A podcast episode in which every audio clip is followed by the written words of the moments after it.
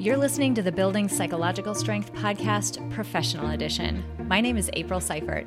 Not only am I a doctoral level psychologist, but I've been a successful entrepreneur for a number of years and have learned firsthand that building psychological strength can have a direct impact on your professional success. In this Friday edition of the podcast, I'll offer you tools, tips, tricks, and information to help you become stronger, more resilient, and more successful. Let's get to it. Stanford professor Ron Howard said, Never confuse the quality of a decision with the quality of an outcome. Welcome back, everybody. Happy Friday. How great was that quote? Oh my gosh, I read that the other day in this life design book that I picked up, and I was floored at how powerful that quote is. I mean, think about it there's it's one thing to go into a decision seeking out information, maybe doing some type of analysis, costs, benefits, risks, rewards, all of that. And all of that stuff is stuff that we can control, right? Like we can decide how much research we're going to do. We can decide how broadly we're going to research something or whether we're going to talk to an expert outside of, you know, what we might know directly and et cetera, et cetera. We can control all those aspects of how we make the decision. But once we make it, really that outcome is out of our hands. And so many times, other factors can come in and influence whether the outcome of the decision is as successful as we anticipated, given everything that went into making the decision. So I just thought that quote was so incredible because it helps you think about what your role in the decision making process is and where you don't have control anymore. And so many times in psychology, we talk with people about this because we expand the degree of control that we have into areas that really are outside of our control. I'll give you an analogy or, a, or another example that's that's not related to what we're talking about today, but just to drive this point home. So many times we worry about you know what is my behavior is my behavior going to cause a particular emotional reaction in the other person well you can't really control that other person's emotional reaction that's something that's completely out of your control or whether that person makes a judgment of you, or whether that person has a bias. You can't control that. Yet, so many times we beat ourselves up and we feel terrible about it because we want to be able to. It makes us feel more certain to think that we have control over that, but we don't. So, just as an aside, as another example, but back in the realm of decision making, so many times, what happens once we make the decision is completely out of our control. And so, what I want to focus on today is the decision making process itself. And in particular, I want to focus on one particular question. And that question is this When you're in a situation where you have to make a complex decision, a decision with a lot of moving parts, a decision with a really big outcome attached to it, potentially a decision with a lot of risk around it. So I'm not talking about like what pants do I wear? I mean, if you count those, there's some estimates that people make upwards of 35,000 decisions a day. I mean, it's like it's gigantic. I'm talking about the really meaningful, bigger, impactful decisions, the ones that have some consequence to them. When you're in that situation, here's my question to you Do you have a bias toward action or do you have a bias toward analysis? Let me say that again. When you're in a situation where you're making a decision that has some consequence to it, do you have a bias toward action or do you have a bias toward analysis?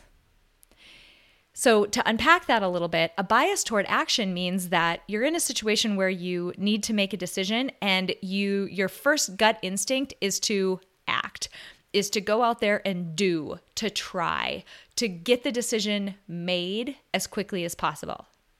On the flip side, if you have a bias toward analysis, you may sit in that analysis phase, gathering every bit of information you can possibly think to find, talking to every single person you can possibly talk to about the decision.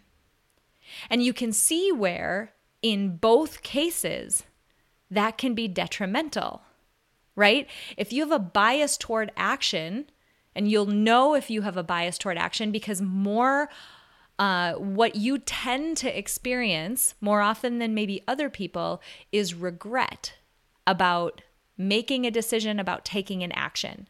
So you'll look back and say, Gosh, I don't think I should have done that. Or I regret doing that. Or I regret doing that so quickly. On the analysis side, instead of feeling regret, you may feel like you have missed opportunities. Or maybe it is still regret, but it's regret about the things that didn't happen. You also may feel like you um, you take longer to make a decision, which in the end, in some cases, can impact the outcome of that decision. So, how successful you can possibly be if you've taken too long to make the decision. So, either end of that continuum can be detrimental to how successful you'll be once you make a decision. So, what I want to highlight today, and this is the case so many times, so many times within psychology, when we're talking about something like this, and it can be a really broad set of topics, this is sort of a general principle. So many times when we're in a situation where our mind acts in a biased fashion, where it's habitual or more natural or more likely that we will act in a certain way, what our goal is is to think about a scale, right? Like like the the legal scales where there's the two sort of uh, sides of it. Normally, that side of it is pushed down in the direction of what your natural tendency is. So in this case, maybe your natural tendency is one to act really quickly. So a bias toward action. What we want to do is intentionally put some weight on the other side of that scale to balance ourselves out. I'm going to give another example. Again, that's outside of the realm of what we're talking about, but I just want to illustrate how foundational this principle is, which is this a gratitude practice. A gratitude practice can feel like it's fake. It can feel like we're putting rose colored glasses on and ignoring that there's struggle in the world. But that's not what we're doing. Think about those scales again, right? The the the legal type scale with the two sides to it. Just as a general rule, our mind's natural tendency, our mind's habit, where it goes more quickly and uh, less with less effort, is toward negative information. We seek out, find, believe, and pay attention to negative or threatening information much more so than positive, to the point that we are walking around biased we're walking around with a biased view of reality. So, what a gratitude practice does is it puts weight on that other side of the scale to bring the scale into balance. So, while it can feel like you're biased if you're only focusing on focusing on grateful things, what you are doing in actuality is removing the bias that your mind naturally has that it has come become accustomed to having. I hope that makes sense. I'm waving my arms over here while I'm talking about this. I'm gesturing as though you can see me do it. But let's go back to today's topic, right, with decision making. Your mind has a natural bias or a natural tendency toward either action or analysis. And knowing which one you are can help you decide next time intentionally which side of that scale do I need to add weight to in order to balance myself out? This might even be something, you know, you may want to do more of a 360 uh, assessment of this. Think about that for yourself, right? Think about how you see yourself and your decision making. And then maybe ask some trusted colleagues, a friend, somebody who knows you well. Ask them what their impression of you is. And just take that into account until you so you can decide whether you think you're the type of person who has a bias toward action or a bias toward analysis. And then the next time you're in a situation where you have to make a decision that has some consequence, some risk, some importance to it, think about that analogy of intentionally adding weight to the other side of the scale. Now, I'll say I'm the type of person who has a bias toward action. This is great in situations where there's like a first mover advantage, or in situations where early adopters maybe get access to um, a larger piece of the pie or additional um, things that maybe people who waited around didn't get.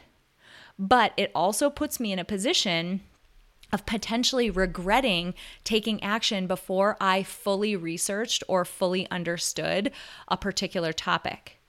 So, because I know that, one of the, I call it my speed bump, a speed bump that I have intentionally put in my, uh, you know, in my uh, route as I'm thinking about moving forward and and you know feeling the urge to take action, the speed bump that I hit is that I tell myself if this is a decision that it has some consequence to it, I'm not allowed to make it until I wait on it for a few days.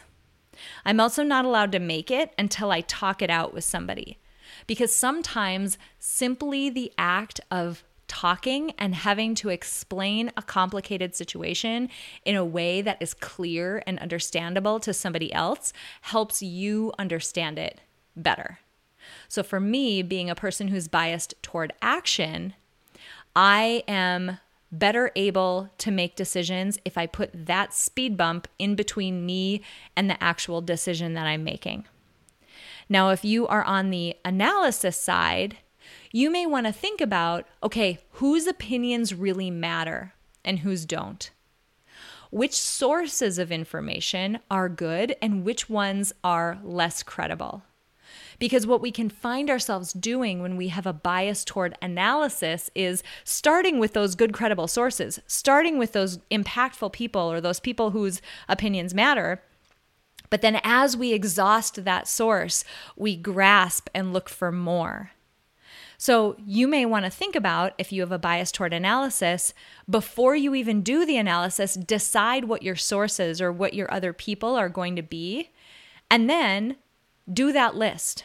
And at that point, maybe the I don't know, it's not really a speed bump. I guess you're kind of greasing the wheels on that side.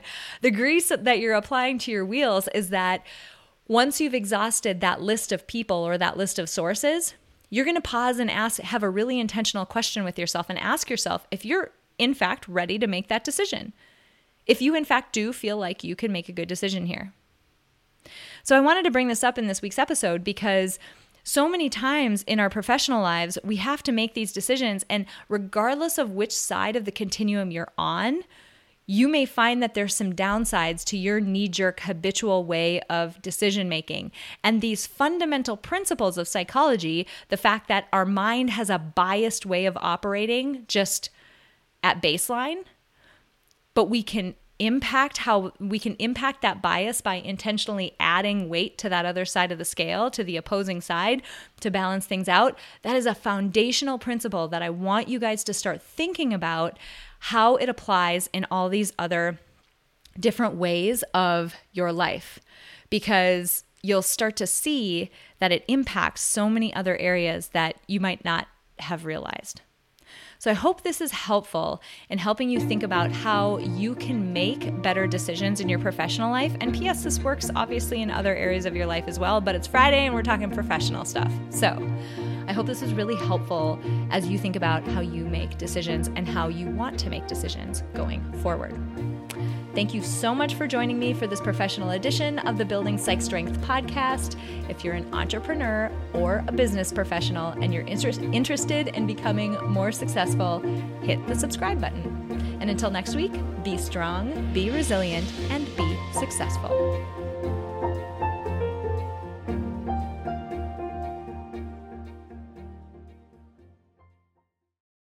At Parker, our purpose is simple.